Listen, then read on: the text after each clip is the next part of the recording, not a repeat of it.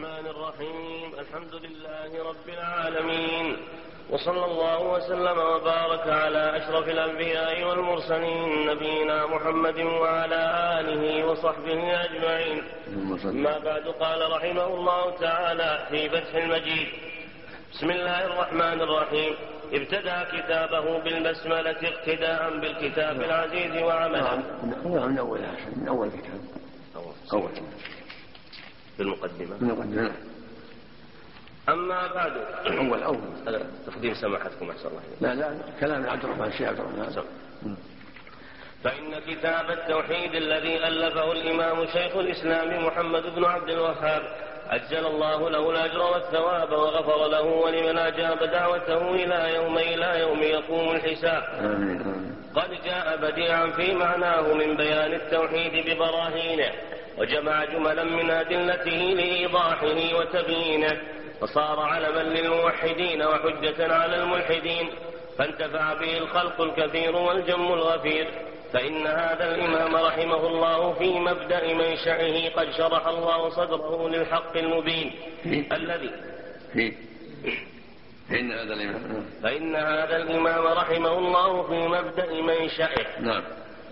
قد شرح الله صدره للحق المبين الذي بعث الله به المرسلين من إخلاص العبادة بجميع أنواعها لله رب العالمين. وإنكار ما كان عليه الكثير من شرك المشركين فأعلى الله همته وقوى عزيمته وتصدى لدعوة أهل نجد إلى التوحيد الذي هو أساس الإسلام والإيمان. ونهاهم عن عبادة الأشجار والأحجار والقبور والطواغيت والأوثان وعن الإيمان بالسحرة والمنجمين والكهان. فأبطل الله بدعوته كل بدعة وضلالة يدعو إليها كل شيطان. وأقام الله به علم الجهاد. وأدحض به شبه المعارضين من أهل الشرك والعناد. ودان بالإسلام أكثر أهل تلك البلاد. الحاضر منهم والباد. وانتشرت دعوته وانتشرت دعوته ومؤلفاته في الآفاق حتى أقر له بالفضل من كان من أهل الشقاق إلا من استحوذ عليه الشيطان وكره إليه الإيمان فأصر على وكره. وكره إليه الإيمان. نسأل الله العافية. نعم. فأصروا على العناد والطغيان. وقد أصبح أهل جزيرة العرب بدعوته كما قال قتادة رحمه الله عن حال أول هذه الأمة.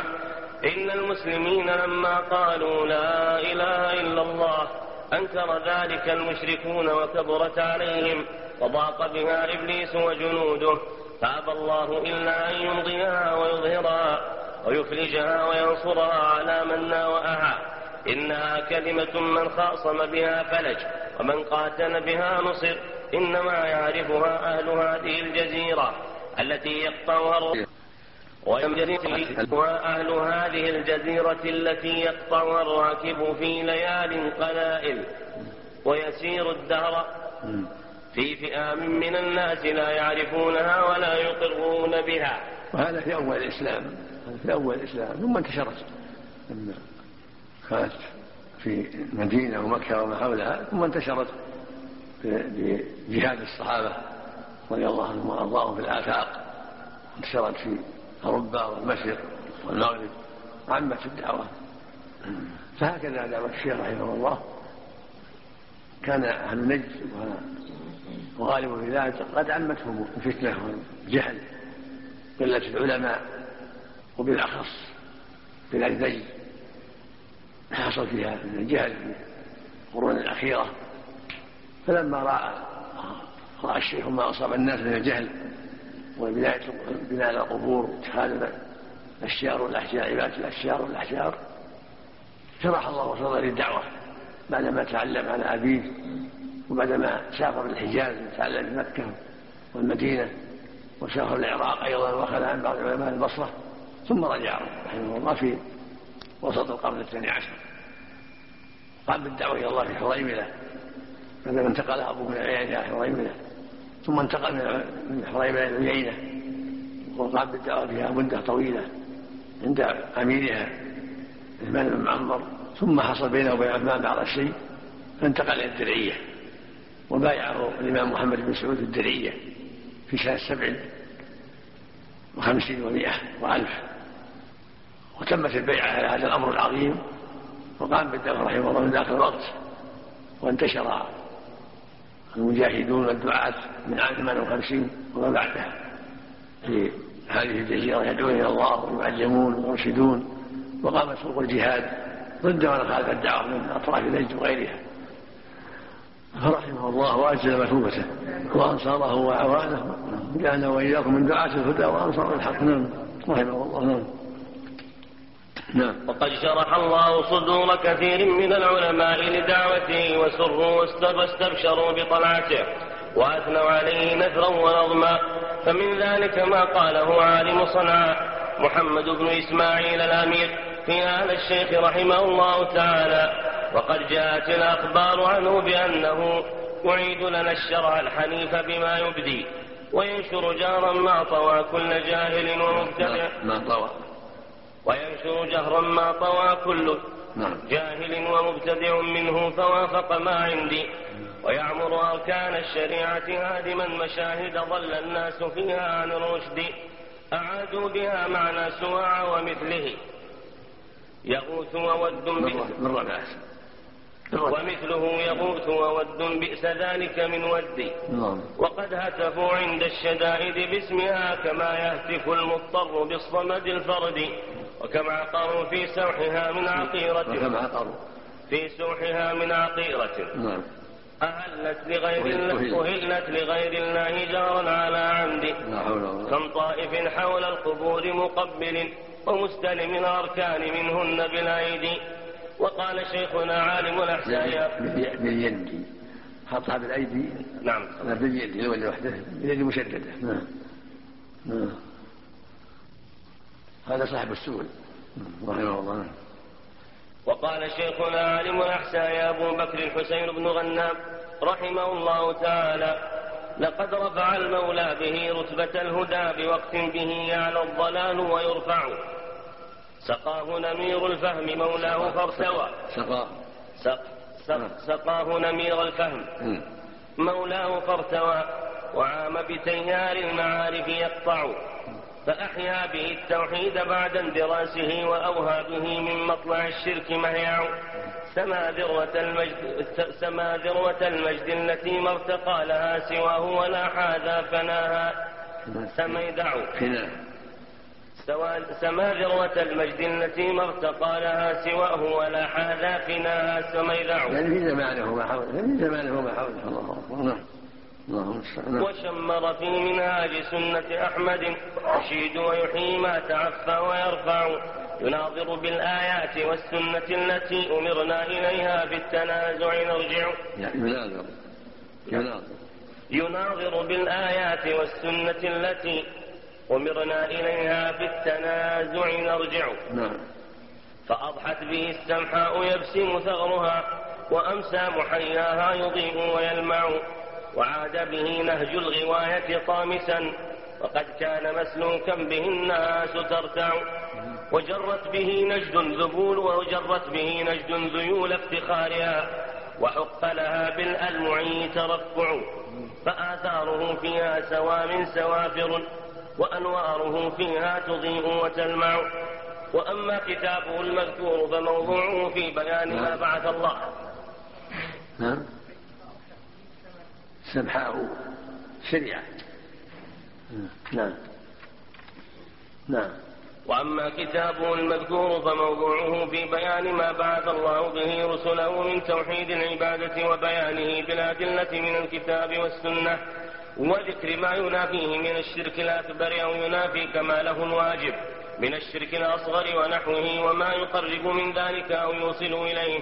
وقد تصدى لشرحه حفيد المصنف وهو الشيخ سليمان بن عبد الله رحمه الله تعالى فوضع عليه شرحا أجاد فيه وأفاد وأبرز فيه من البيان ما يجب أن يطلب منه ويراد وسماه تيسير العزيز الحميد في شرح كتاب التوحيد وحيث أطلق شيخ وحيث أطلق شيخ الإسلام.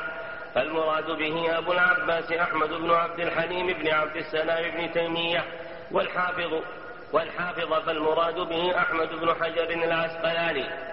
ولما قرأت شرحه رأيته أطنب في مواضع وفي بعضها تكرار يستغنى بالبعض منه عن الكل ولم يكمله فأخذت في تهذيبه وتقريبه وتكميله وربما أدخلت فيه بعض النقول المستحسنة تتميما للفائدة وسميته فتح المجيد بشرح كتاب التوحيد. وأسأل الله أن ينفع به رحمة الله على الجميع. رحمه الله رحمه الله جميعا. وجزاهم الله خيرا. رحمه الله. سليمان قتل في حرب الدرعية سنة 33 رحمه الله. ولهذا قال المؤلف الشيخ عبد الرحمن الحسن في تهذيب هذا الشرح تكميله. يعني ما كملها سليمان. فكملها الشيخ عبد الرحمن وزاد فيه نقولا حسنة الشيخ عبد الرحمن رحمه الله. مات سنة 85 سنة 1285 في آخر القرن الثالث رحمه الله حفظ الله على الجميع. نعم. نعم. نعم. نعم. محل محل العرب نجد والحجاز واليمن والخليج كل جزيرة العرب كلها جزيرة العرب نعم. نجد والحجاز واليمن اليمن على الصعيد من جزيرة العرب يعني من مساكن العرب. وهكذا بلدان الخليج كلها من الجزيرة نعم. وأسأل الله أن ينفع به كل طالب للعلم ومستفيد. نعم. وأن يجعله خالصا لوجهه الكريم وموصلا من سعى فيه إلى جنات النعيم. ولا حول ولا قوة إلا بالله العلي العظيم. قال المصنف. وفق الله الجميع وثبت الجميع على الهدى. بسم الله الرحمن الرحيم.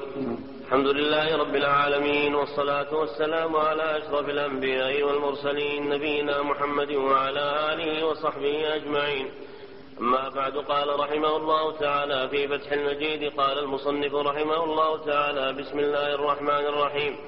ابتدى كتابه بالبسملة اقتداء بالكتاب العزيز وعملا بحديث كل أمر ذي بال لا يبدأ فيه ببسم الله الرحمن.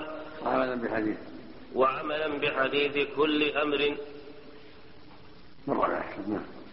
وعملا بحديث كل أمر ذي بال لا يبدأ فيه ببسم الله الرحمن الرحيم فهو أقطع. أخرجه ابن حبان من طريقين قال ابن الصلاح والحديث حسن ولأبي داود وابن ماجه كل أمر ذي بال لا يبدأ فيه بالحمد الحمد لله. أو بالحمد لله أو, أو بالحمد. بالحمد لله أو بالحمد نعم. أو بالحمد فهو أقطع. نعم. ولأحمد كل أمر ذي بال لا يفتح بذكر الله فهو أبتر أو أقطع وللدار قطني عن أبي هريرة مرفوعا كل أمر ذي بال لا يبدأ فيه بذكر الله فهو أقطع والمصنف قد اقتصر في بعض نسخه على البسملة لأنها من أبلغ الثناء لأنها من أبلغ الثناء والذكر للحديث المتقدم. وكان النبي صلى الله عليه وسلم يقتصر عليها في مراسلاته. كما في كتابه لهرقل عظيم الروم ووقع لي نسخة بخطه رحمه الله تعالى. بدأ فيها بالبسملة وثنى بالحمد والصلاة على النبي صلى الله عليه وسلم وآله. وعلى هذا فالابتداء بالبسملة حقيقي وبالحمد له نسبي إضافي. أي بالنسبة إلى ما بعد الحمد يكون مبدوءا به. والباء في بسم الله متعلقة بمحذوف واختار كثير من المتأخرين كونه فعلا خاصا متأخرا. أما كونه فعلا فلأن الأصل في العمل للأفعال وأما كونه خاصا فلأن كل مبتدئ بالبسملة في أمر يضمر ما جعل البسملة مبدأ له. وأما كونه متأخرا فالمعنى بسم الله أؤلف أو أكتب. وعند الأكل بسم الله يعني آكل. عند الشرب بسم الله يعني أشرب المتعلق على حسب الواقع. فالسنة البدعة بالبسملة كما فعل النبي صلى الله عليه وسلم مراسلته وكما نزل القرآن بالبسملة في أول كل سورة. أما التسمية بالحمد فهذا من باب الكمال. نعم. نعم. طرق يشد بعضها بعضا ما بالحسن لغيره.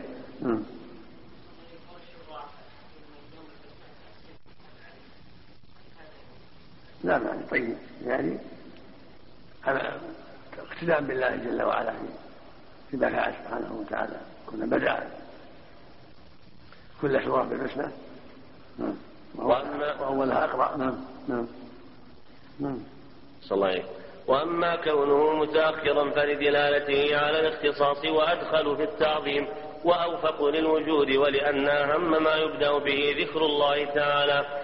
وذكر العلامة ابن القيم رحمه الله تعالى لحذف العامل فوائد منها أنه موطن لا ينبغي أن يتقدم فيه غير ذكر الله ومنها أن الفعل إذا حذف صح الابتداء بالبسملة في كل عمل وقول وحركة فكان الحذف أعم انتهى ملخصا.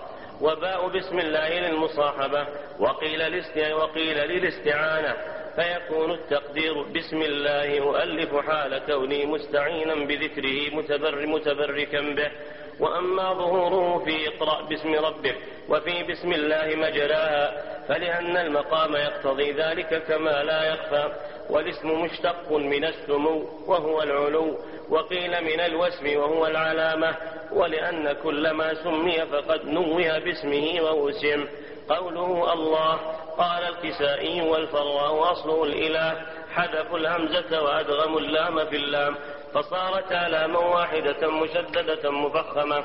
قال العلامة ابن القيم رحمه الله الصحيح أنه مشتق وأن أصله الإله كما هو قول سيبويه وجمهور أصحابه إلا من شد. كما هو قول سيبويه وجمهور أصحابه إلا من شد. وهو الجامع لمعاني الأسماء الحسنى والصفات العلى. والذين قالوا بالاشتقاق إنما أرادوا أنه دال على صفة له تعالى وهي الإلهية كسائر أسمائه الحسنى كالعليم والقدير والسميع والبصير ونحو ذلك. فإن هذه الأسماء مشتقة من مصادرها بلا ريب وهي قديمة ونحن لا نعني بالاشتقاق إلا أنها ملاقية لمصادرها في اللفظ والمعنى لا أنها متولدة منه تولد الفرع من أصله وتسمية النحاة للمصدر والمشتق منه أصلا وفرعا ليس معناه أن أحدهما متولد من الآخر. وإنما هو باعتبار أن أحدهما يتضمن الآخر وزيادة. قال هذا هو الحق أن أسماءه جل وعلا كلها أعلام ونعوت جمعت بين هذا وهذا. فهي علم عليه ينادى به سبحانه وتعالى ويعرف به وهي نعوت أيضا. هي مشتملة على المعاني وليست جامدة كلها مشتقة. حتى جلالة الله من الألوهية وهي العبادة. سمي الله لأنه يؤله ويعبد ويستعان ويدعى كما أنه الرحمن لأنه يرحم والعزيز لأنه ذو العزة العظيمة وهكذا السميع والبصير والقدير كلها أسماء مشتقة من معانيها. نعم. قال أبو جعفر بن جرير الله أصله الإله أسقطت الهمزة التي هي فاء الاسم فالتقت اللام التي هي عين الاسم واللام الزائدة وهي ساكنة. فأدغمت في الأخرى فصارتا في اللفظ لاما واحدة مشددة. وأما تأويل الله فإنه على معنى ما روي لنا عن عبد الله بن عباس قال هو الذي يألهه كل شيء ويعبده كل خلق. وساق بسنده عن الضحاك عن عبد الله بن عباس قال الله ذو الألوهية والعبودية على خلقه أجمعين. فإن قال لنا قائل وما دل على أن الألوهية هي العبادة؟ وأن الإله هو المعبود وأن له أصلا في فعل ويفعل. وذكر بيت رؤبة. نعم. وذكر بيت رؤبة بن العجاج. لله در الغانيات المدهي. سبحنا واسترجعنا من تأله. يعني من تعبدي وطلب الله بعملي. صلى الله إليك في الحاشية. نعم. كذا في الأصل والعبارة ناقصة. ونصها فإن قال لنا قائل فهل لذلك في فعل ويفعل أصل كان منه بناء هذا الاسم؟ قيل إما سماعا من العرب فلا ولكن استدلالا فإن قال وما دل على أن الألوهية هي العبادة وأن الإله هو المعبود وأن له أصلا في فعل يفعل. قيل لا تمانع العرب في الحكم لقول القائل يصف رجلا بعبادة الله ويطلب مما عند الله تألى فلان بالصحة. ولا خلاف ومن ذلك قول رؤبة إلى آخره. أقول معنى واضح نعم.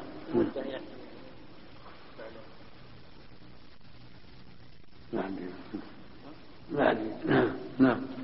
يعني من تعبدي وطلب الله بعملي ولا شك أن التألع التفعل من أله يألع وأن معنى من أله من أله يألع وأن معنى أله إذا نطق به عبد الله.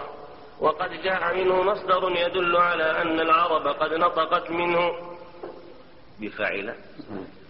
بفعل يفعل. بغير زيادة. إيه. نعم. قال في اللسان عن المدة إيه. قال في اللسان مدحه يمدحه مدحا مثل مدحه والجمع المدة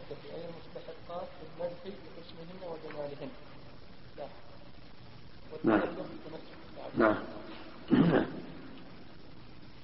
قال وقد جاء منه مصدر يدل على أن العرب قد نطقت منه بفعل يفعل بغير زيادة وذلك ما حدثنا به سفيان بن وكيع وساق السند إلى ابن عباس أنه قرأ ويدرك وإلى يمكن أيضا يستعمل آلهة مثل سمع ولو العين أحسن الله. ممكن. آلهة يأله من باب فائدة من باب من باب قطع يقطع ونحر ينحر. مفتوح في الماضي والمضارع المقصود أن أنها مشتق ألها يأله أو ألها يأله إلهة مثل ما قرأت بعض مرة ما ذكر الله إلهة في فرعون يعني وعبادته التأله التعبد والإله العبادة والإله المعبود فهو كله مشتق من الألف واللام والأله نعم. مصدر هذا في العلم نعم. نعم. وذلك ما حدثنا به قاموس لبيك. قاموس نعم. شفاء لها. لها يعني. نعم. وذلك ما حدثنا به سفيان بن وكيع وساق السند إلى ابن عباس أنه قرأ ويذرك وإلهتك. قال عبادتك ويقول إنه كان يعبد ولا يعبد. وساق آخر عن ابن عباس ويذرك وإلهتك. قال إنما كان فرعون يعبد ولا يعبد. وذكر مثله عن مجاهد ثم قال فقد بين فقد بين قول ابن عباس ومجاهد هذا أن أن أله عبد. وأن الإلهة مصدره وساق حديثا عن أبي مسعود مرفوعا أن عيسى أسلمته أمه إلى الكتاب. أبي مسعود ولا بن أبي أبي سعيد. وساق حديثا عن أبي سعيد. نعم. وساق حديثا عن أبي سعيد مرفوعا أن عيسى أسلمته أمه إلى الكتاب ليعلمه. فقال له المعلم اكتب بسم الله. فقال عيسى أتدري ما الله؟ الله إله الآلهة. قال العلامة ابن القيم رحمه الله لهذا الاسم الشريف عشر خصائص لفظية وساقها ثم قال وأما خصائصه المعنوية فقد قال أعلم الخلق صلى الله عليه وسلم لا أحصي ثناء عليك أنت كما أثنيت على نفسك. وكيف نحصي خصائص اسم لمسماه كل كمال على الإطلاق؟ وكل مدح وحمد وكل ثناء وكل مجد وكل جلال وكل كمال وكل عز وكل جمال وكل خير وإحسان وجود وفضل وبر فله ومن فما ذكر هذا الاسم في قليل إلا كثره ولا عند خوف إلا أزاله ولا عند كرب إلا كشفه ولا عند هم وغم إلا فرجه ولا عند ضيق إلا وسعه ولا تعلق به ضعيف إلا أفاده القوة ولا ذليل إلا أناله العز ولا فقير إلا صاره غنيا ولا مستوحش إلا آنسه ولا مغلوب إلا أيده ونصره ولا مضطر إلا كشف ضره ولا شريد إلا آواه. فهو الاسم الذي تكشف به الكربات وتستنزل به البركات وتجاب به الدعوات. وتقال به العثرات وتستدفع به السيئات وتستجلب به الحسنات وهو الاسم الذي قامت به الأرض والسماوات وبه أنزلت الكتب وبه أرسلت الرسل وبه شرعت الشرائع وبه قامت الحدود وبه شرع الجهاد وبه انقسمت الخليقة إلى السعداء والأشقياء وبه حقت الحاقة ووقعت الواقعة وبه وضعت الموازين القسط ونصب الصراط وقام سوق الجنة والنار. ونصب الصراط وقام سوق الجنة والنار. وبه عبد رب العالمين وحمد. وبحقه بعثت الرسل وعنه السؤال في القبر ويوم البعث والنشور. وبه الخصام وإليه المحاكمة. وفيه الموالاة والمعاداة. وبه سعد من عرفه وقام بحقه. وبه شقي من جاله وترك حقه. فهو سر الخلق والأمر وبه قاما وثبتا وإليه انتهيا فالخلق به وإليه ولأجله فما وجد خلق ولا أمر ولا ثواب ولا عقاب إلا مبتدئا منه ومنتهيا إليه وذلك موجبه ومقتضاه ربنا ما خلقت هذا باطلا سبحانك فقنا عذاب النار. إلى آخر كلامه. هذا كله يعني التمسك بهذا الكريم. الله وأداء حقه. من تمسك بهذا الاسم الكريم وأدى حقه عبادة وتوحيدا وإخلاصا وتركا للنواهي وطاعة للأوامر. حصل به كل خير. فهذا هو هو الأساس. نعم. وبقية وبقية الأسماء تابعة لذلك. نعم. نعم. نعم.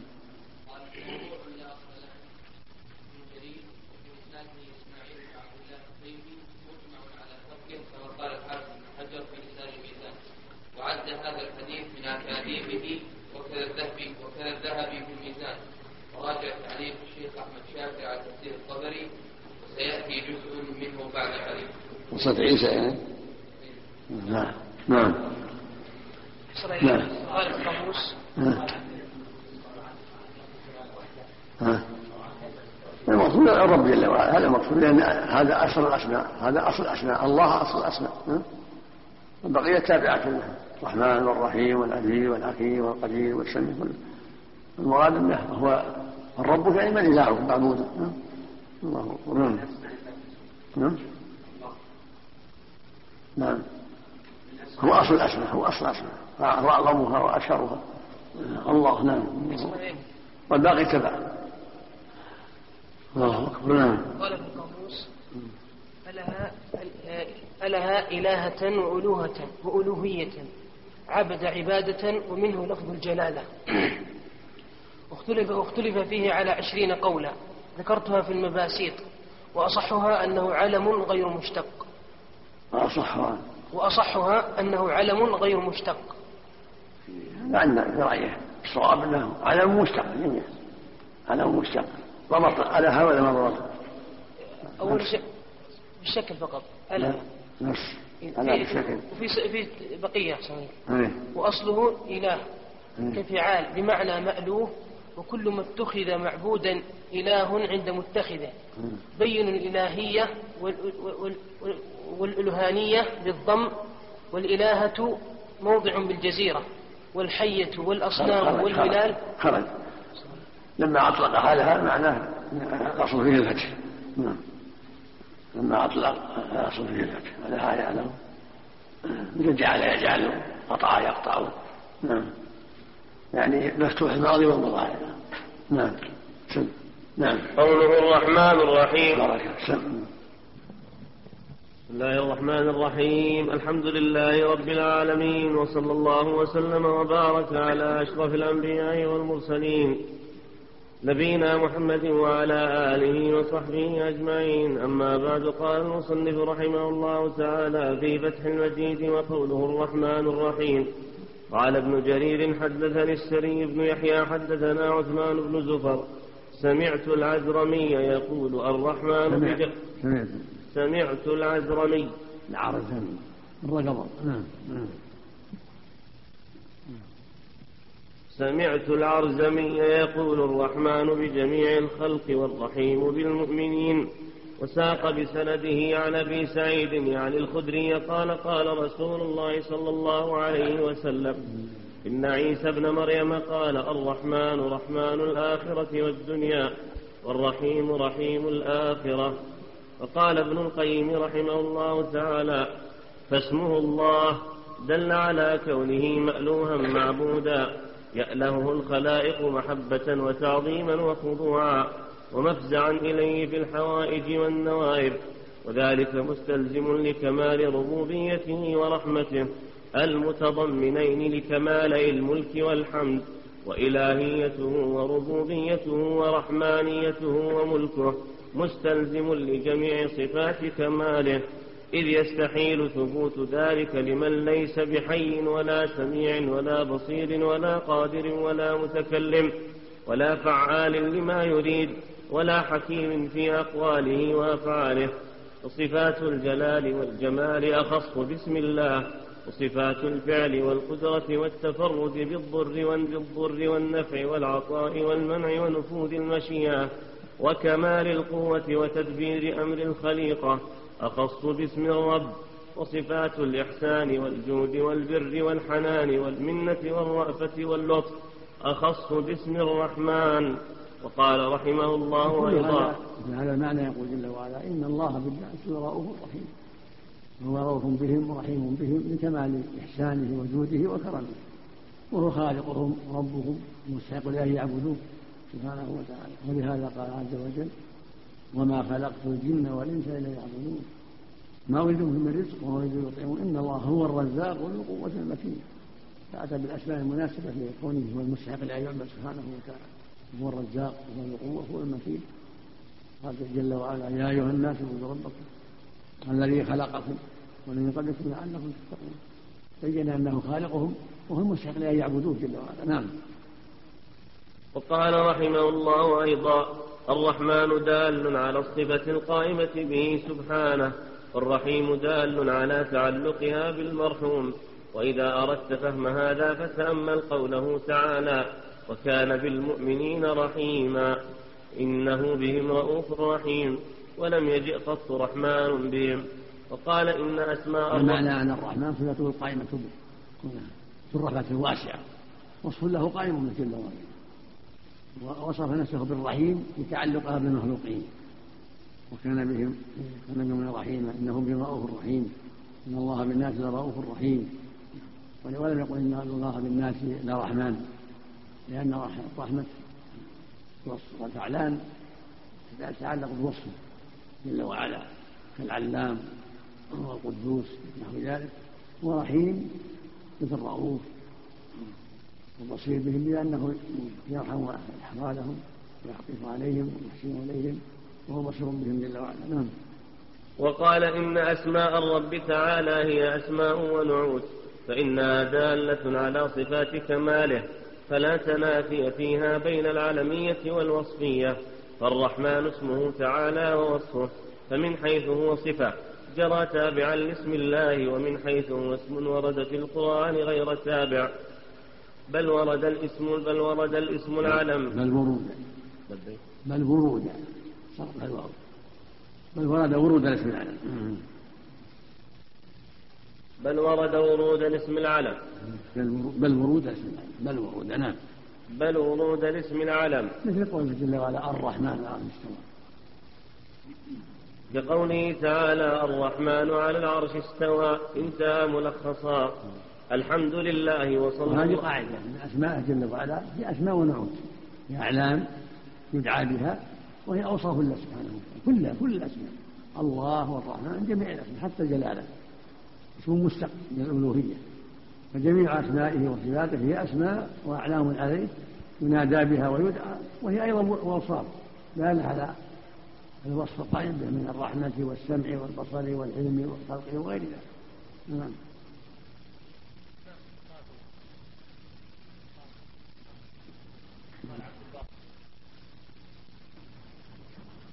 الأمر واسع في هذا إن شاء الله نعم نعم نعم. ورد في نافع لكن ما أعرف في حديث صحيح. جاء في أحاديث فيها ضعف. لكن وصفه بالنافع الضعف حق هو النافع الضعف. نعم. ما ما أعرف شيء من الرواية النصيب لأن الأولى ولا النصيب. أو الناصب ما أعرف شيء من الرواية نعم. هذا معلق. إن الله تعالى يشفى من احصاها دخل الجنه هذه أسباب تعلق بها القول من احصاها دخل الجنه وإلا أسبابه أكثر من ذلك. أسبابه كثيرة في القرآن وفي غيره. السنة. نعم. نعم. تركه اولى يرى عبد النصير أو عبد الملك. يعني الناس لا نعرف شيء من الروايات. صحيحة. نعم. يدعى بها يدعى بها لا تدعى يدعى بها يتوسل بها. أما الأسماء تدعى يا رحمن يا رحيم يا سميع يا بصير. لكن يقال لا لكن لا يقال يا رضا الله ارضى عني أو يا عفو الله لا. اللهم إني أسألك بعفوك اللهم إني أعوذ برضاك من سخطك يتوسل بها. ولكن الأسماء هي التي تدعى يا رحمن يا رحيم يا سميع يا قوي يا خلاق يا رزاق. يدعى بأسماء سبحانه وتعالى. نعم. هذا تعود تعود وتوسل. أو برضاك من سخطك وبعفوك من عقوبته بعزة الله وقدرته. ما يقال يا عزة الله انصرينا. أجمع ذكر الشيخ تقي الدين اجماع العلماء على منع ذلك. وأن الصفات لا تدعى إنما الدعوة للأسماء. يدعى بأسماء سبحانه وتعالى. توسل لا بأس بالصفات والتعوذ بالصفات. أعوذ بكلمات الله التامات أعوذ برضا الله من سخطه برضاك من سخطك لكن لا يقال يا رضا الله يا عفو الله يا علم الله يا سمع الله لا. يا الله يا سميع يا عليم يا رؤوف يا رحيم اغفر لنا وارحمنا يدعى باسماء أسماء. نعم. ولله الأسماء الحسنى فادعوه بها نعم. قوله الحمد لله معناه الثناء بالكلام على الجميل الاختياري على وجه التعظيم. فمورده اللسان والقلب والشكر يكون باللسان والجنان والأركان.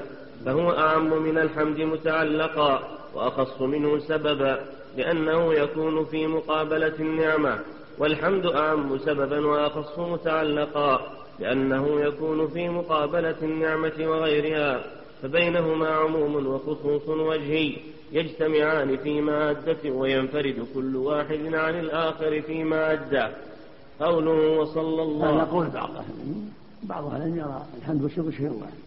وهو محمود مشكور سبحانه وتعالى لأسمائه وصفاته وعظيم إنعامه وقال آخرون من أهل العلم الحمد يكون بالثناء باللسان ويكون بالقلب. وأما الشكر يكون بالقلب واللسان والعمل. يعمل ولد شكرا والشكر يكون سببه النعم. والحمد يكون للنعمة وللصفات. يحمد لذاته يحمد لذاته ولأسمائه وصفاته. ويشكر لإنعامه وإفضاله وجوده جل وعلا. وأما القول الثاني هو يشكر لهذا وهذا ويحمد لهذا وهذا. سبحانه بصفاته وأسمائه ونعمه جل وعلا. وقوله وصلى الله على محمد وعلى آله وسلم صح ما قيل في معنى صلاة الله على عبده ما ذكره البخاري رحمه الله تعالى عن أبي العالية. قال صلاة الله على عبده ثناؤه عليه عند الملائكة. وقرره ابن القيم رحمه الله ونصره في كتابه جلاء الأفهام وبدائع الفوائد. قلت وقد يراد بها الدعاء كما في المسند عن علي مرفوعا. الملائكة تصلي على أحدكم ما دام في مصلاه اللهم اغفر له اللهم ارحمه. وقوله وعلى آله. الصلاة من الله على رسوله ثناؤه عليه ويدخل فيها الرحمة أيضا. إن الله يصلون على النبي أن يصلوا عليه وسلموا تسليما. من صلاته عليه ثناؤه عليه في الملائكة وصفه له بالصفات العظيمة من كونه سيد ولد آدم. من كونه من الرؤوف الرحيم. هذا من صلاته عليه ثناء عند الملائكة وهكذا رحمته إياه بأن جعله خاتم الأنبياء وجعله خاتم المرسلين وأعانه على إبلاغ الرسالة وأيده. كل هذا من رحمته له سبحانه وتعالى. فتطلق الصلاة على الثناء وعلى الرحمة جميعا. وإذا, وإذا اجتمع صارت الصلاة معنى الثناء والرحمة معنى الإحسان. كما قال تعالى أولئك عليهم صلوات من ربهم ورحمة. صلاة ثناء من الله ورحمة إحسان إحسان لهم إحسان إليهم بتوفيقه لهم وتصويره إياهم سبحانه وتعالى. نعم. وقوله وعلى آله أي أتباعه على دينه نص عليه الإمام أحمد هنا وعليه أكثر الأصحاب وعلى هذا فيشمل الصحابة وغيرهم من المؤمنين. يعني يشمل أهل البيت ويشمل غيرهم هذا أتباعه أصحاب النبي من أهل البيت وغيرهم. ويطلق الآل على أهل البيت. هذا حق. وعلى آل يشملهم يشمل جميع الصحابة ويشمل جميع الأتباع. كما قال تعالى أدخلوا آل فرعون أشد العذاب يعني أتباع فرعون. نسأل الله. العافية أزواجهم أهل البيت. ذريته أهل البيت. لكن اللي تحرم عليهم الصدقة هم بني هاشم الأشخاص وأما أزواجهم من أهل بيت الله لا تحرم عليهم الصدقة.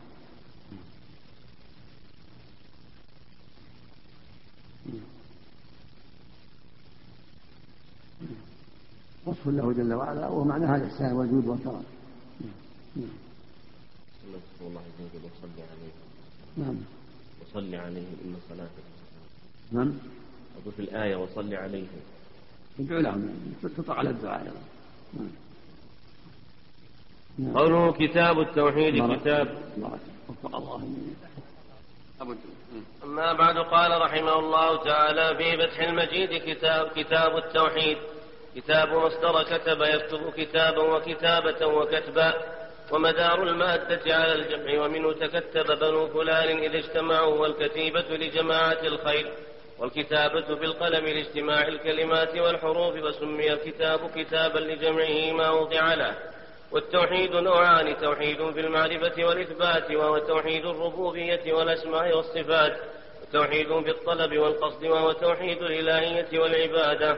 قال العلامة ابن القيم رحمه الله وأما التوحيد الذي دعت إليه الرسل ونزلت به الكتب فهو نوعان توحيد في المعرفة والإثبات وتوحيد في الطلب والقصد. فالأول هو إثبات حقيقة ذات الرب تعالى وصفاته وأفعاله وأسمائه وتكلمه بكتبه وتكليمه لمن شاء من عباده وإثبات عموم قضائه وقدره وحكمته. وقد أفصح القرآن عن هذا النوع. جد الإفصاح كما في أول سورة الحديد سورة طه وآخر الحشر وأول تنزيل السجدة وأول آل عمران وسورة الإخلاص بكمالها وغير ذلك. النوع الثاني ما تضمنته سورة قل يا أيها الكافرون وقوله تعالى قل يا أهل الكتاب تعالوا إلى كلمة سواء بيننا وبينكم. ألا نعبد إلا الله ولا نشرك به شيئا ولا يتخذ بعضنا بعضا أربابا من دون الله. فإن تولوا فقولوا اشهدوا بأننا مسلمون. وأول سورة تنزيل الكتاب وآخرها وأول سورة المؤمن ووسطها. وآخرها وأول سورة الأعراف وآخرها وجملة سورة الأنعام. وغالب سور القرآن بل كل سورة في القرآن فهي متضمنة لنوع لنوعي التوحيد شاهدة به داعية إليه. فإن القرآن إما خبر عن الله وأسمائه وصفاته وأفعاله وأقواله فهو التوحيد العلمي الخبري. إما دعوة إلى عبادته. وإما. وإما. وإما دعوة إلى. وإما دعوة إلى عبادته وحده لا شريك له وخلع ما يعبد من دونه فهو التوحيد الإرادي الطلبي وإما أمر وإما أمر ونهي وإلزام بطاعته وأمره ونهيه فهو حقوق التوحيد ومكملاته وإما خبر عن إكرام آل التوحيد وما فعل بهم في الدنيا وما يكرمهم به في الآخرة فهو جزاء توحيده. وإما خبر عن أهل الشرك وما فعل بهم في الدنيا من النكال وما يحل بهم في العقبى من العذاب فهو جزاء من خرج عن حكم التوحيد. فالقرآن كله في التوحيد وحقوقه وجزائه وفي شأن الشرك وأهله وجزائهم انتهى. وهذا كلام عظيم كلام القيم رحمه الله كلام عظيم. فإن التوحيد الذي بعث الله به الرسل وأنزل به الكتب ينقسم إلى هذين القسمين توحيد في الخبر وبيان حق الله وبيان وبيان أنه سبحانه هو الخلاق والرزاق وإثبات ذاته وإثبات صفاته وخلقه لعباده. هذا هو توحيد الربوبية وتوحيد الأسماء والصفات ويقال توحيد المعرفة والإثبات. وهو الذي أقر به المشركون أقروا بأنه خالقهم رازقهم وأنه وأقروا بأسمائه وصفاته. إلا ما من أنكر منهم صفة الرحمن مكابرة هذا يقال له توحيد المعرفة والإثبات ويقال توحيد الربوبية والأسماء والصفات. وهذا أقر به المشركون أقروا بأن الله ربهم وأنه الخالق الرزاق وأنه الرحيم وأنه الرؤوف وأنه السميع البصير. أقروا بها ولكن لم يدخلوا في الإسلام. الرسل طالبوهم بأن يوحدوا الله ويخصوه بالعبادة. هو النوع الثاني توحيد القصد والطلع. يعني توحيد الله في تخصيصه بالعبادة وإفراده بالعبادة. هذا هو الذي أنكره المشركون وعادوا الرسل من أجله. قالوا أجعل لا إله إلا واحدة. وإنا لتاركها آلهة شاعر مجنون فأبوا أن ينقادوا لهذا الأمر. الرسل بعثهم الله في الدعوة إلى هذا الأمر. ولقد بعثنا في كل أمة رسولا أن يعبدوا الله واجتنبوا الطاغوت. انتهى الوجه الأول. فضلا. أن يعبدوا الله ويجتنبوا الطاغوت. فالنزاع بين الرسل في هذا الأمر بين الرسل والأمم في هذا الأمر في تخصيص الله بالعبادة دعائهم واستغاثتهم وذبحهم ونذرهم ونحو ذلك من العبادات. هذا هو توحيد القصد والطلب وهو توحيد الإلهية توحيد العبادة. هذا هو الذي جحده المشركون وقاتلهم الرسل وأتباعهم على هذا. وبعض أهل العلم قسمه إلى ثلاثة أقسام من باب الإيضاح توحيد الربوبية توحيد الأسماء والصفات توحيد الإلهية والعبادة وكل هذه تقسيمات صحيحة. ولك ولك أن تقول التوحيد هو إفراد الله بالعبادة والإيمان بربوبيته وأنه خلاق الرزاق والإيمان بأسماء تبشره بالجميع. والتوحيد هو هذا كله. لكن من أقر بهذا كله؟ هو المؤمن حقا المتابع الرسل ومن جحد بعضه كفر. من جحد الربوبية كفر من جحد الاسماء كفر من جحد توحيد العبادة كفر. فهو تقسيم اصطلاحي للإيضاح. تقسيم اصطلاحي للإيضاح والبيان. والفرق بين ما أقر به المشركون وإذا ما أقر به وما جحده المشركون. حتى يكون المؤمن على بصيرة على بينة. بالتفصيل بالتفصيل والبيان تتضح الأمور. فما أقر به المشركون لا يدخلون في الإسلام. كل أقروا بأنه ربهم وخالقهم ورازقهم وأنه ذو الأسماء الحسنى والصفات هذا لا يكفي. بل لا بد من تخصيصه بالعبادة. وهذا هو التوحيد الذي جحده المشركون وجاءت به الرسل هو توحيد العبادة توحيد القصد والطلب. نعم. قال شيخ الإسلام التوحيد الذي جاءت به الرسل إنما يتضمن إثبات الإلهية لله وحده بأن يشهد أن لا إله إلا الله لا يعبد إلا إياه ولا يتوكل لا يعبد إلا إياه ولا يتوكل إلا عليه ولا يوالي إلا له. ولا يعادي إلا فيه ولا يعمل إلا لأجله. وذلك يتضمن إثبات ما أثبته لنفسه من الأسماء والصفات. قال تعالى وإلهكم إله واحد لا إله إلا هو الرحمن الرحيم. وقال تعالى وقال الله لا تتخذوا إلهين إنما هو إله إلهين اثنين. إنما هو إله واحد فإياي فرابون وقال تعالى ومن يدعو مع الله إلها آخر لا برهان له به فإنما حسابه عند ربه إنه لا يفلح الكافرون. وقال تعالى واسأل من أرسلنا من قبلك من رسلنا أجعلنا من دون الرحمن آلهة يعبدون. وأخبر عن كل نبي من الأنبياء أنهم دعوا الناس إلى عبادة الله وحده لا شريك له. وقال قد كانت لكم أسوة حسنة في إبراهيم والذين معه.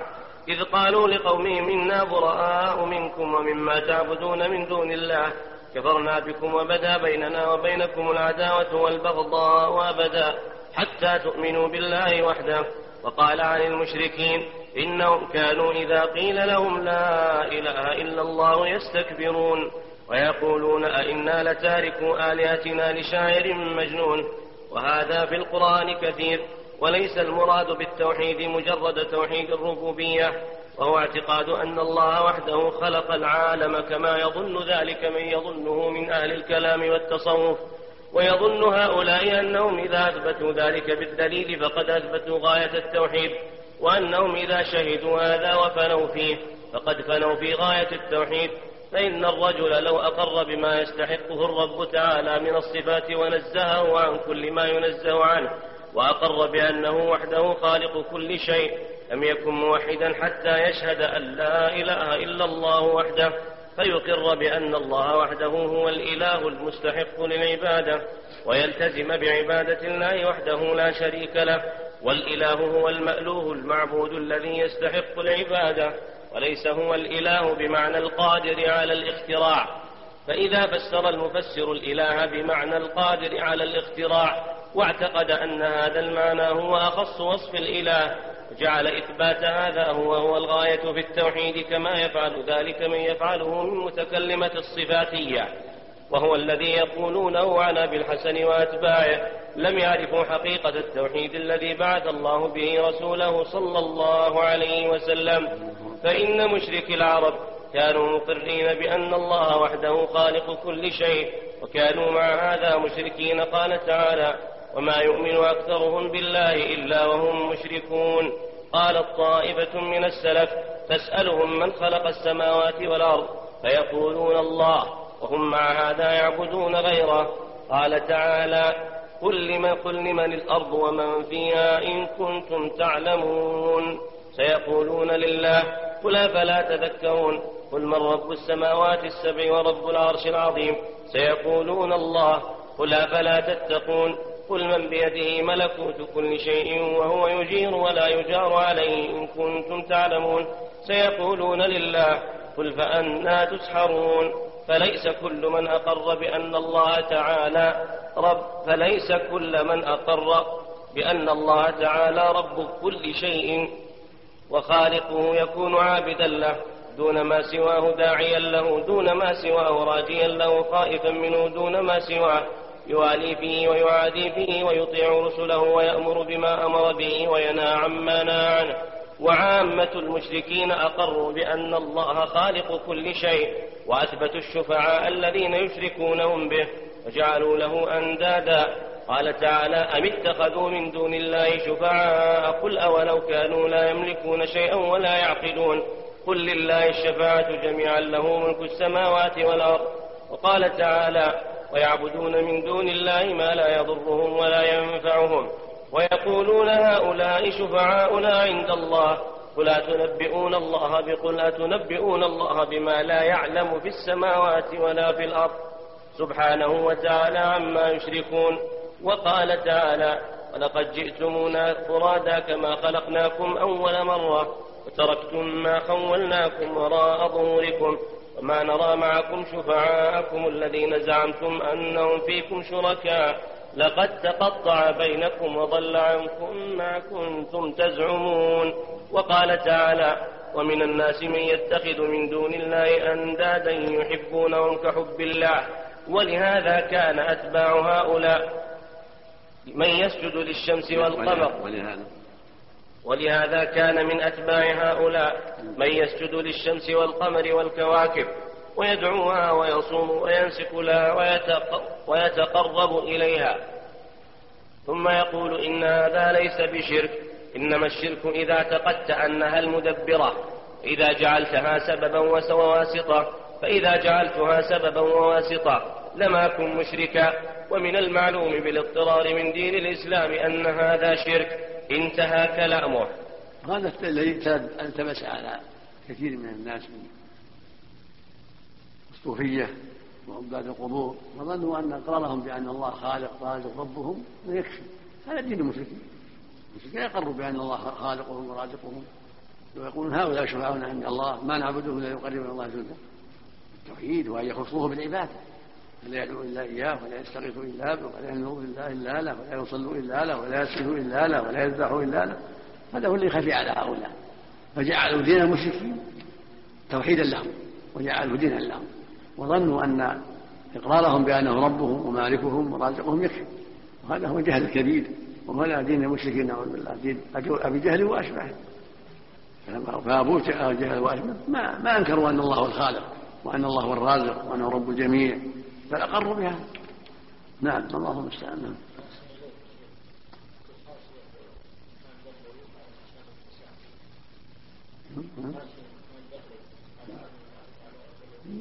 انتهى موضوع. نعم. قوله وقول الله تعالى وما خلقت الجن والإنس إلا ليعبدون بسم الله الرحمن الرحيم. الحمد لله رب العالمين. وصلى الله وسلم وبارك على أشرف الأنبياء والمرسلين نبينا محمد وعلى آله وصحبه أجمعين.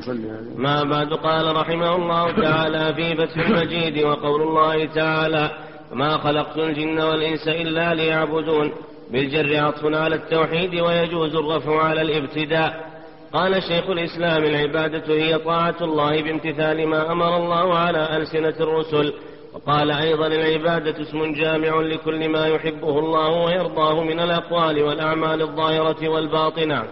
قال ابن القيم ومدارها على خمس عشرة قاعدة من كملها كمل مراتب العبودية وبيان ذلك أن العبادة منقسمة على القلب واللسان والجوارح والأحكام التي للعبودية خمسة. واجب ومستحب وحرام ومكروه ومباح وهن لكل واحد من القلب واللسان والجوارح.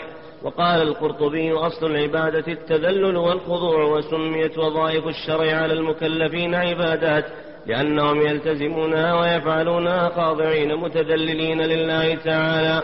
ومعنى الآية أن الله تعالى أخبر أنه ما خلق الجن والإنس إلا لعبادته فهذا هو الحكمة في خلقهم. قلت وهي الحكمة الشرعية الدينية. خلقوا لهذا الأمر ليعبدوا الله بتوحيده والإخلاص له وطاعة أوامره وترك نواهيه هذه العبادة التي خلقوا لها أن يخصوه بالعبادة ويؤمنوا برسوله عليه الصلاة والسلام وينقادوا لشرعه قولا وعملا فعلا وتركا. وسميت عبادة لأنها تؤدى بالذل والخضوع كما قال القرطبي رحمه الله. تقول العرب طريق معبد مذلل. قد وطئت في الأقدام. يقولون بعير معبد يعني قد شد ورحل. فالعبادات يؤديها العباد بالخضوع والذل لله والانكسار. نعم. قال العماد بن كثير وعبادته هي طاعته بفعل المأمور وترك المحظور وذلك هو حقيقة دين الإسلام. نعم. لأن معنى الإسلام الاستسلام لله تعالى المتضمن غاية الانقياد والذل والخضوع انتهى. وهذا معنى صحيح لأن العبادة هي الإسلام وهي الإيمان وهي الهدى وهي التقوى وهي طاعة الله ورسوله. فسمي دين الله إسلاما للذل والخضوع والانقياد. سمي عبادة للذل والانقياد. وسمي إيمان للتصديق. وهدى لأن الله هدى به العباد. وقال أيضا في تفسير هذه الآية ومعنى الآية أن الله خلق الخلق ليعبدوه وحده لا شريك له. فمن أطاعه جازاه وأتم الجزاء ومن عصاه عذبه أشد العذاب وأخبر أنه غير محتاج إليه غير محتاج إليهم. بل هم الفقراء في جميع أحوالهم وهو خالقهم ورازقهم. وقال علي بن أبي طالب رضي الله عنه في الآية إلا لآمرهم أن يعبدوني وأدعوهم إلى عبادتي. وقال مجاهد إلا لآمرهم وأنهاهم اختاره الزجاج وشيخ الإسلام. قال ويدل على هذا قوله أيحسب الإنسان أن يترك سدى؟ قال الشافعي لا يؤمر ولا ينهى وقال في القرآن في غير موضع اعبدوا ربكم اتقوا ربكم فقد أمرهم بما خلقوا له وأرسل الرسل بذلك وهذا المعنى هو الذي قصد بالآية قطعا وهو الذي يفهمه جماهير المسلمين ويحتجون بالآية عليه. قال وهذه الآية تشبه قوله تعالى وما أرسلنا من رسول إلا ليطاع بإذن الله ثم قد يطاع وقد يعصى وكذلك ما خلقهم إلا لعبادته ثم قد يعبدون وقد لا يعبدون وهو سبحانه بل, بل أكثرهم لا يعبدون أكثرهم لم يعبدوه ولم يطيعوا رسله فاستحقوا عذابه ومقته وغضبه هم خلقهم ليعبدوه وأرسل رسل يطاعوا ولكن أكثر الخلق لم يعبد ولم يطع. فباءوا بالخيبة والخسران وتابعوا الهوى كما قال جل وعلا وما أكثر الناس ولو حرصت بمؤمنين قال جل وعلا ولقد صدق عليه إبليس ظنه فاتبعوه إلا فريقا من المؤمنين قال تعالى وقليل من عبادي الشكور قال سبحانه وإن تطع أكثر يضلوك عن سبيل الله نسأل الله السلامة. نعم. وهو سبحانه لم يقل إنه فعل الأول وهو خلقهم ليفعل بهم كلهم الثاني وهو عبادته ليفعل بهم ليفعل بهم كلهم. ليفعل بهم كلهم نعم. ليفعل بهم كلهم الثاني وهو عبادته ولكن ذكر أنه فعل الأول ليفعلوا هم الثاني فيكونوا, فيكونوا هم الفاعلين له فيحصل لهم بفعله سعادتهم ويحصل ما يحبه ويرضاه منه ولهم انتهى. ولهذا قال وما خلقت الجن والإنس إلا ليعبدون. ما قال إلا لأجعلهم عابدين. فقال ليعبدون. فالخلق منهم والعبادة منهم. فإن عبدوا فلهم الأجر ولهم العاقبة الحميدة. وإن أبوا فلهم الخيبة والندامة. نعم. وكل شيء بقضائه وقدره سبحانه وتعالى. نعم. ويشهد لهذا المعنى ما تواترت به الأحاديث فمنها ما أخرجه مسلم في صحيحه عن أنس بن مالك رضي الله عنه عن النبي صلى الله عليه وسلم قال يقول الله تعالى لأهون أهل النار عذابا لو كانت لك الدنيا وما فيها ومثلها معها أكنت مفتديا بها. فيقول نعم فيقول قد أردت منك أهون من هذا وأنت في صلب آدم ألا تشرك أحسبه قال ولا أدخلك النار فأبيت إلا الشرك. فهذا المشرك قد خالف ما أراده الله تعالى منه من توحيده وأن لا يشرك به شيئا. فخالف ما أراده الله منه فأشرك به غيره. وهذه هي الإرادة الشرعية الدينية كما تقدم. فبين فبين الإرادة الشرعية الدينية والإرادة الكونية القدرية عموم وخصوص مطلق يجتمعان في حق المخلص المطيع. تنفرد الإرادة الكونية القدرية في حق العاصي. فافهم ذلك تنجو من جهالات أرباب الكلام وتابعيهم قال ومن أطاع, ومن أطاع الله فقد اجتمعت له الإرادتان الكونية والشرعية. ومن عصى فقد خالف الإرادة الشرعية ولكنه لم يخرج عن الإرادة القدرية المشيئة نعم. قال وقوله ولقد بعثنا في كل أمة رسولا. أن اعبدوا الله واجتنبوا الطاغوت.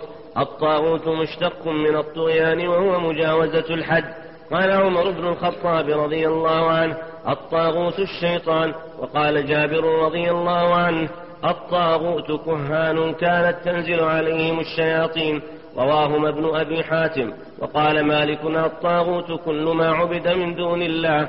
قلت وذلك المذكور بعض أفراده وقد حده العلامة ابن القيم حدا جامعا فقال الطاغوت كل ما تجاوز به العبد حده من معبود أو متبوع أو مطاع فطاغوت كل قوم من يتحاكمون إليه غير الله ورسوله أو يعبدونه من دون الله أو يتبعونه على غير بصيرة من الله أو يطيعونه فيما لا يعلمون أنه طاعة لله فهذه طواغيت العالم. إذا تأملتها وتأملت أحوال أحوال الناس معها رأيت أكثرهم أعرض عن عبادة الله تعالى إلى عبادة الطاغوت وعن طاعة وعن طاعة رسول الله صلى الله عليه وسلم إلى طاعة الطاغوت ومتابعته. وأما معنى الآية فأخبر تعالى أنه بعث في كل طائفة من الناس رسولا بهذه الكلمة أن اعبدوا الله واجتنبوا الطاغوت أي اعبدوا الله وحده واتركوا عبادة ما سواه. كما قال تعالى فمن يكفر بالطاغوت ويؤمن بالله فقد استمسك بالعروة الوثقى لا انفصام لها وهذا معنى لا إله إلا الله فإنها هي العروة الوثقى. قال العماد بن كثير في هذه الآية كلهم أي الرسل يدعو إلى عبادة الله وينهى عن عبادة ما سواه فلم يزل سبحانه يرسل إلى الناس الرسل بذلك منذ حدث الشرك في بني آدم من قوم نوح الذين الذين أرسل إليهم. وكان أول رسول بعثه الله تعالى إلى أهل الأرض أن ختمهم بمحمد صلى الله عليه وسلم. الذي طبقت دعوته الإنس والجن في المشارق والمغارب. وكلهم كما قال الله تعالى وما أرسلنا من قبلك من رسول إلا نوحي إليه أنه لا إله إلا أنا فاعبدون. وقال تعالى في هذه الآية الكريمة ولقد بعثنا في كل أمة رسولا أن اعبدوا الله واجتنبوا الطاغوت فكيف يسوء لأحد من المشركين بعد هذا أن يقول لو شاء الله ما عبدنا من دونه من شيء فمشيئة الله تعالى الشرعية عنهم منفية لأنه نهاهم عن ذلك على ألسن على على ألسنة على ألسن رسله. ألسن. على ألسن رسله. نعم. وأما مشيئته الكونية وهي تمكينهم من ذلك قدرا فلا حجة لهم فيها لأنه تعالى خلق النار وأهلها من الشياطين والكفرة وهو لا يرضى لعباده الكفر وله في ذلك الحجة البالغة والحكمة القاطعة. ثم إنه تعالى قد أخبر أنه أنكر عليهم بالعقوبة في الدنيا بعد إنذار الرسل فلهذا قال فمنهم من هدى الله ومنهم من حقت عليه الضلالة. انتهى. قلت وهذه الآية تفسير الآية التي قبلها وذلك قوله فمنهم من هدى الله ومنهم من حقت عليه الضلالة. فتدبر ودلت هذه الآية على أن الحكمة في إرسال الرسل دعوتهم أممهم إلى عبادة الله وحده والنهي عن عبادة ما سواه. وأن هذا هو دين الأنبياء والمرسلين وإن اختلفت شريعتهم. كما قال تعالى لكل جعلنا منكم شرعة ومنهاجا وأنه لا بد في الإيمان من عمل القلب والجوارح. وهذا دين الرسل كلهم بعثوا ليدعو الأمم إلى توحيد الله وإخلاص عبادة الله وطاعة أوامره وترك نواهيه.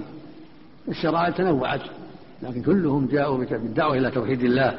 وإسلام وجه الله وترك الإشراك به والوقوف عند حدوده التي حدها فأبى الأكثرون إلا متابعة الهوى وطاعة الشيطان فهلكوا. نسأل الله العافية والسلامة. نعم.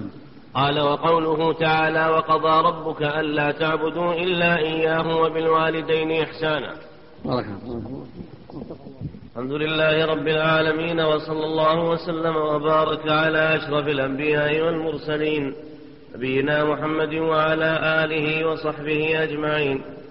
قال الشيخ عبد الرحمن بن حسن بن محمد بن عبد الوهاب رحمهم الله تعالى وقوله تعالى وقضى ربك ألا تعبدوا إلا إياه بالوالدين إحسانا قال مجاهد قضى يعني وصى وكذا قرأ أبي بن كعب وابن مسعود وغيرهم ولابن جرير عن ابن عباس وقضى ربك يعني أمر وقوله تعالى ألا تعبدوا إلا إياه.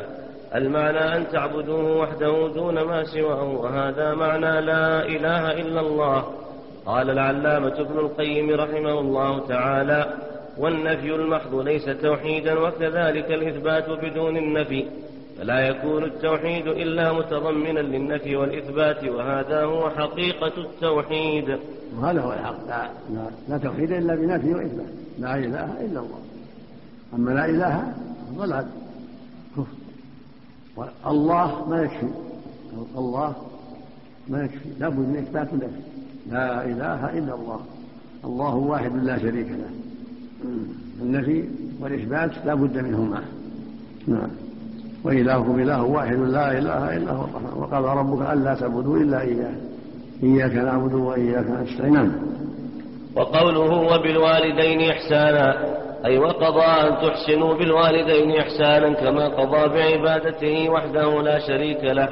كما قال تعالى في الآية الأخرى أن اشكر لي ولوالديك إلي المصير. وقوله إما يبلغن عندك الكبر أحدهما أو كلاهما فلا تقل لهما أف ولا تنارهما أي لا تسمعهما قولا سيئا حتى ولا التأفيف الذي هو أدنى مراتب القول السيء. ولا تنارهما أي لا يصدر منك إليهما فعل قبيح. كما قال عطاء بن أبي رباح ولا تنفض يديك عليهما. ولما نهاه عن الفعل القبيح والقول القبيح أمره بالفعل الحسن والقول الحسن. فقال وقل لهما قولا كريما أي لينا طيبا بأدب وتوفير. وقوله واخفض لهما جناح الذل من الرحمة. أي تواضع لهما وقل رب ارحمهما أي في كبرهما وعند وفاتهما كما ربياني صغيرا. وقد ورد في بر الوالدين أحاديث كثيرة منها الحديث المروي من طرق عن أنس وغيره أن رسول الله صلى الله عليه وسلم لما صعد المنبر قال آمين آمين آمين. فقالوا يا رسول الله على ما أمنت؟ قال أتاني جبريل فقال يا محمد رغم أنف امرئ ذكرت عنده فلم يصل عليك. قل آمين. فقلت آمين. ثم قال رغم أنف امرئ دخل عليه شهر رمضان. ثم خرج ولم يغفر له. قل آمين. فقلت آمين. ثم قال رغم أنف امرئ أدرك أبويه أو أحدهما فلم يدخلاه الجنة. قل آمين. فقلت آمين. وروى الإمام أحمد من حديث أبي هريرة رضي الله عنه عن النبي صلى الله عليه وسلم رغم أنف ثم رغم أنف ثم رغم أنف رجل أدرك والديه أحدهما أو كلاهما لم يدخل الجنة. قال العماد بن كثير صحيح من هذا الوجه. وعن أبي بكرة رضي الله عنه قال قال رسول الله صلى الله عليه وسلم ألا أنبئكم بأكبر الكبائر قلنا بلى يا رسول الله. قال الإشراك بالله وعقوق الوالدين. وكان متكئا فجلس فقال ألا وقول الزور ألا وشهادة الزور؟ فما زال يكررها حتى قلنا ليته سكت رواه البخاري ومسلم. وعن عبد الله بن عمرو رضي الله عنهما قال قال رسول الله صلى الله عليه وسلم رضا الرب في رضا الوالدين وسخطه في سخط الوالدين. رواه الترمذي وصححه ابن حبان والحاكم. وعن أبي يسيد الساعدي رضي الله عنه قال قال بينا نحن جلوس عند النبي صلى الله عليه وسلم. إذ جاءه رجل من بني سلمة فقال يا رسول الله هل بقي من بر أبوي شيء أبرهما به بعد موتهما فقال نعم الصلاة عليهما والاستغفار لهما وإنفاذ عهدهما من بعدهما. وصلة الرحم التي لا توصل إلا بهما وإكرام صديقهما رواه أبو داود وابن ماجه والأحاديث في هذا المعنى كثيرة جدا وقوله واعبدوا الله لا شك, لا شك أن برهما من أهم الفرائض بر الوالدين من أهم الفرائض ولهذا قرن الله جل وعلا حقه حقهما بحق في آيات عدة لعظم حقهما ربياه وتعبا عليه. وشغل أنفسهما به الشغل العظيم مدة طويلة. فلا شك أن حقهما من أهم الفرائض. وعقوقهما من أقبح السيئات وأقبح الكبائر نسأل الله العافية. ولهذا جاء في عدة آيات وقال ربك ألا تعبدوا إلا إياه وبالوالدين إحسانا. واعبدوا الله ولا تشركوا شيئا وبالوالدين إحسانا. وتعالى وتما حرم ربك ألا تشركوا شيئا وبالوالدين إحسانا. أن يشكر لي ولوالديك. وفي الأحاديث الكثيرة الأمر بذلك والتحذير من العقوق. هذا يدل على أن الواجب على الولد أن يعتني بهذا الوالدين ويحسن إليهما قولا وعملا ويحذر عقوقهما قولا وعملا. نسأل الله التوفيق والهداية. نعم. عدم قوله أدرك والديه أحدهما أو قال أحدهما أو كلاهما. لم يوصل السبب في ذلك أو كليهما. جعلها بالخير صلى الله عليه وسلم عندنا بالرفع أو كلاهما. إيش؟ أدرك والديه عنده أحد عندنا أحدهما أو كلاهما كذا بالرفع. محتمل أن أحدهما أو كلاهما هذا لغة من؟ هذا لغة من يجعل المثنى في الألف دائما. محتمل نعم. عام. نعم. لكن إذا كان في حال كبر يكون أشد. يكون برهما والرفق بهما أشد وأوجب. لضعفهما نعم. نعم. عن أبي أسيد. أبي أسيد نعم. نعم. وقوله واعبدوا الله ولا تشركوا به شيئا قال العماد بن كثير رحمه الله في هذه الآية يأمر الله تعالى عباده بعبادته وحده لا شريك له فإنه الخالق الرازق المنعم المتفضل على خلقه في جميع الحالات وهو المستحق منهم أن يوحدوه ولا يشركوا به شيئا من مخلوقاته. انتهى. وهذه الآية هي التي تسمى آية الحقوق العشرة. وفي بعض النسخ المعتمدة من نسخ هذا الكتاب تقديم هذه الآية على آية الأنعام. ولهذا قدمتها لمناسبة كلام ابن مسعود الآتي لآية الأنعام ليكون ذكره بعدها أنسب. وقوله تعالى قل تعالوا أتل ما حرم ربكم عليكم ألا تشركوا به شيئا وبالوالدين إحسانا. قال العماد بن كثير رحمه الله يقول تعالى لنبيه ورسوله محمد صلى الله عليه وسلم قل لهؤلاء المشركين الذين عبدوا غير الله وحرموا ما رزقهم الله. تعالوا أي هلموا وأقبلوا. أتل أقص عليكم ما حرم ربكم عليكم حقا لا تخرصا ولا ظنا. بل وحيا منه وأمرا من عنده. ألا تشركوا به شيئا.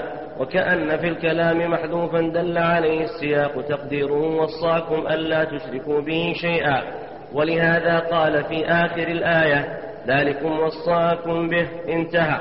قلت فيكون المعنى. حرم عليكم ما وصاكم بتركه من الإشراك به. وفي المغني لابن هشام في قوله تعالى ألا تشركوا به شيئا سبعة أقوال. أحسنها هذا الذي ذكره ابن كثير. ويليه بين لكم ذلك لئلا تشركوا.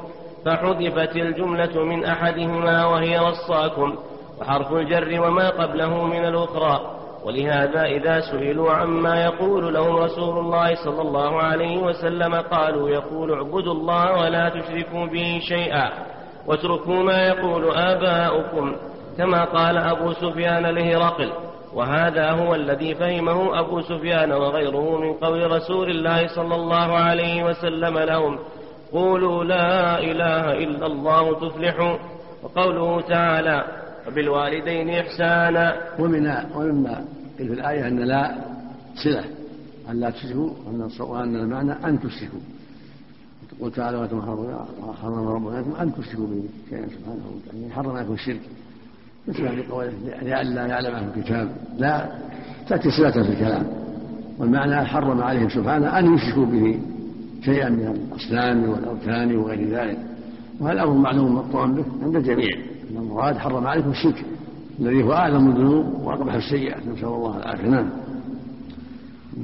وقوله تعالى وبالوالدين إحسانا قال القرطبي الإحسان إلى الوالدين برهما وحفظهما وصيانتهما وامتثال أمرهما وإزالة الرق عنهما وترك السلطنة عليهما وإحسانا نصب على المصدرية وناصبه فعل مضمر من لفظه تقديره وأحسنوا بالوالدين إحسانا.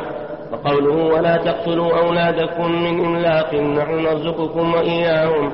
الإملاق الفقر أي لا تئدوا بناتكم خشية العيلة والفقر فإني رازقهم وإياكم.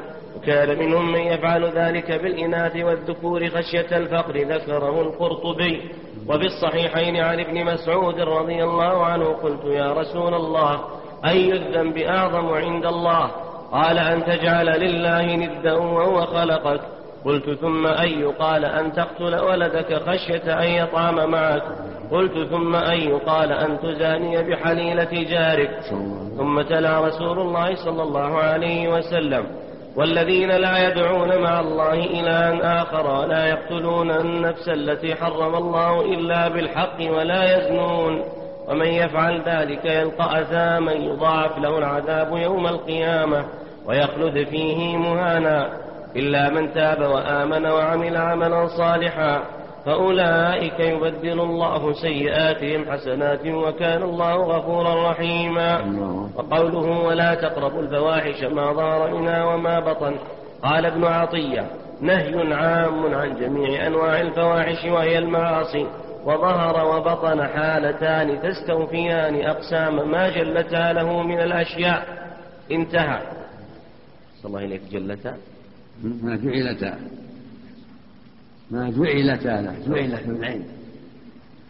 تستوفيان ما جعلتا نعم. وظهر وبطن حالتان تستوفيان أقسام ما جعلتا له من الأشياء. وقوله ولا تقتلوا النفس التي حرم الله إلا بالحق في الصحيحين عن ابن مسعود رضي الله عنه مرفوعا لا يحل دم امرئ مسلم يشهد أن لا إله إلا الله. وأن محمدا رسول الله إلا بإحدى ثلاث الثيب الزاني والنفس بالنفس والتارك لدينه المفارق للجماعة. وقوله ذلكم وصاكم به لعلكم تعقلون. قال ابن عطية ذلكم إشارة إلى هذه المحرمات والوصية الأمر المؤكد المقرر. وقوله لعلكم تعقلون لعل للتعليل. أي أن الله تعالى وصانا بهذه الوصايا لنعقلها عنه ونعمل بها. وفي تفسير الطبري الحنفي ذكر أولا تعقلون ثم ثم ثم ثم تذكرون. ثم تتقون لأنهم إذا عقلوا تذكروا فإذا تذكروا خافوا واتقوا. قوله ولا تقربوا مال اليتيم إلا بالتي هي أحسن حتى يبلغ أشده قال ابن عطية هذا نهي عام عن القرب الذي يعم وجوه التصرف وفيه سد الذريعة ثم استثنى ما يحسن وهو السعي في نمائه. قال مجاهد التي هي أحسن التجارة فيه. قوله حتى يبلغ أشده. قال مالك وغيره هو الرشد وزوال السفه مع البلوغ. وروي نحو هذا عن زيد بن أسلم والشعبي وربيعة وغيرهم. وقوله وأوفوا الكيل والميزان بالقسط. قال ابن كثير يأمر تعالى بإقامة العدل في الأخذ والإعطاء. لا نكلف نفسا إلا وسعها. أي من اجتهد بأداء الحق وأخذه فإن أخطأ بعد استغراغ الوسع وبذل جهده فلا حرج عليه. وقوله وإذا قلتم فاعدلوا ولو كان ذا قربى. هذا أمر بالعدل في القول والفعل على القريب والبعيد. قال الحنفي العدل في القول في حق الولي والعدو. لا يتغير في الرضا والغضب بل يكون على الحق وإن كان ذا قربى فلا يميل إلى الحبيب والقريب ولا يجرمنكم شنآن قوم على ألا تعدلوا اعدلوا وأقرب للتقوى. قوله وبعهد الله أوفوا. قال ابن جرير وبوصية الله تعالى التي وصاكم بها فأوفوا. وإيفاء ذلك بأن يطيعوا فيما أمرهم به ونهاهم عنه. وأن يعملوا بكتابه وسنة رسوله صلى الله عليه وسلم. ذلك. عموما بعد تخصيص بعهد الله أوفوا يعني بجميع ما شرع لكم وأمركم. لما ذكر الأمور السابعة المفصلة عما قالوا بعهد الله أوفوا. يعني بكل ما عهد إليكم وأمركم به. على يد الرسول صلى الله عليه وسلم في الكتاب والسنة فإنه يجب الوفاء به. وعدم التفريط فيه. نعم. وذلك هو الوفاء بعهد الله وكذا قال غيره. وقوله ذلكم وصاكم به لعلكم تذكرون تتعظون وتنتهون عما كنتم فيه. وقوله وأن هذا صراطي مستقيما فاتبعوه ولا تتبعوا السبل فتفرق بكم عن سبيله. قال القرطبي هذه آية عظيمة عطفها على ما تقدم فإنه نهى وأمر وحذر عن اتباع غير سبيله. فأمر فيها باتباع طريقه على ما بينته الأحاديث الصحيحة وأقاويل السلف وأن في موضع نصب أي أتلو أن هذا صراطي عن الفراء والكساء ويجوز أن يكون خفضا أي وصاكم به وبأن هذا صراطي. قال والصراط الطريق الذي هو دين الإسلام مستقيما نصب على الحال. ومعناه مستويا قيما لا اعوجاج فيه فأمر باتباع طريقه الذي طرقه. كذا أحسن الله إليك.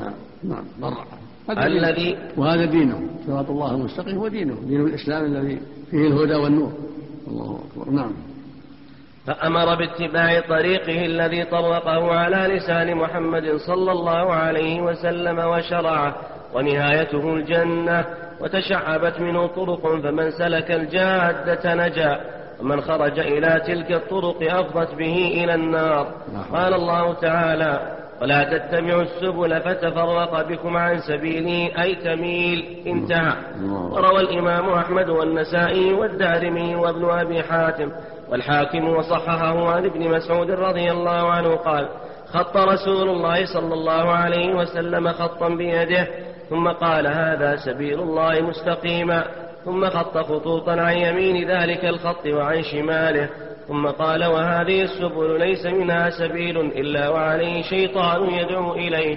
ثم قرأ, ثم قرأ وأن هذا صراطي مستقيما فاتبعوه ولا تتبعوا السبل. الآية وعن مجاهد ولا تتبعوا السبل. قال البدع والشهوات. قال ابن القيم رحمه الله ولنذكر في الصراط المستقيم قولا وجيزا. فإن الناس قد تنوعت عباراتهم عنه بحسب صفاته ومتعلقاته وحقيقته شيء واحد وهو طريق الله الذي نصبه لعباده موصلا إليه ولا طريق إليه سواه. بل الطرق كلها مسدودة على الخلق إلا طريقه الذي نصبه على ألسن رسله وجعله موصلا لعباده إليه وهو إفراده بالعبادة وإفراد رسوله بالطاعة. فلا يشرك به أحد فلا يشرك به فلا يشرك به أحدا في عبادته. ولا يشرك برسوله صلى الله عليه وسلم أحدا في طاعته. فيجرد التوحيد ويجرد متابعة الرسول صلى الله عليه وسلم. وهذا كله هذا هو وهذا هو دين الله توحيد الله واتباع رسوله. وإن كنتم تحبون الله فاتبعوا يحبكم الله ويغفر لكم. وصراط الله ودينه الذي هو الإسلام هو توحيد الله وعبادة وحده واتباع رسوله صلى الله عليه وسلم قولا وعملا وعقيدة. هذا هو الصراط هذا هو الصراط المستقيم وهو دين الله. وهو الإسلام والهدى والتقى والبر. نعم. وهذا كله مضمون مضمون شهادة أن لا إله إلا الله وأن محمد رسول الله فأي شيء فسر به الصراط المستقيم فهو داخل في هذين الأصلين ونكتة ذلك أن تحبه بقلبك وترضيه بجهدك كله فلا يكون في قلبك موضع إلا معمورا بحبه ولا يكون لك إرادة إلا متعلقة بمرضاته فالأول يحصل بتحقيق شهادة أن لا إله إلا الله والثاني يحصل بتحقيق شهادة أن محمدا رسول الله. وهذا هو الهدى ودين الحق وهو معرفة الحق وهو الحق والعمل به.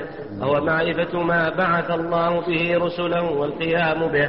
وقل ما شئت من العبارات التي هذا آخيتها وقطب رحاها قال وقال سهل بن عبد الله عليكم بالأثر والسنة فإني أخاف أنه سيأتي عن قليل. زمان إذا ذكر إنسان النبي صلى الله عليه وسلم والاقتداء به في جميع أحواله ذموه ونفروا عنه وتبرؤوا منه وأذلوه وأهانوه. انتهى. اللهم قوله قال ابن مسعود. بارك الله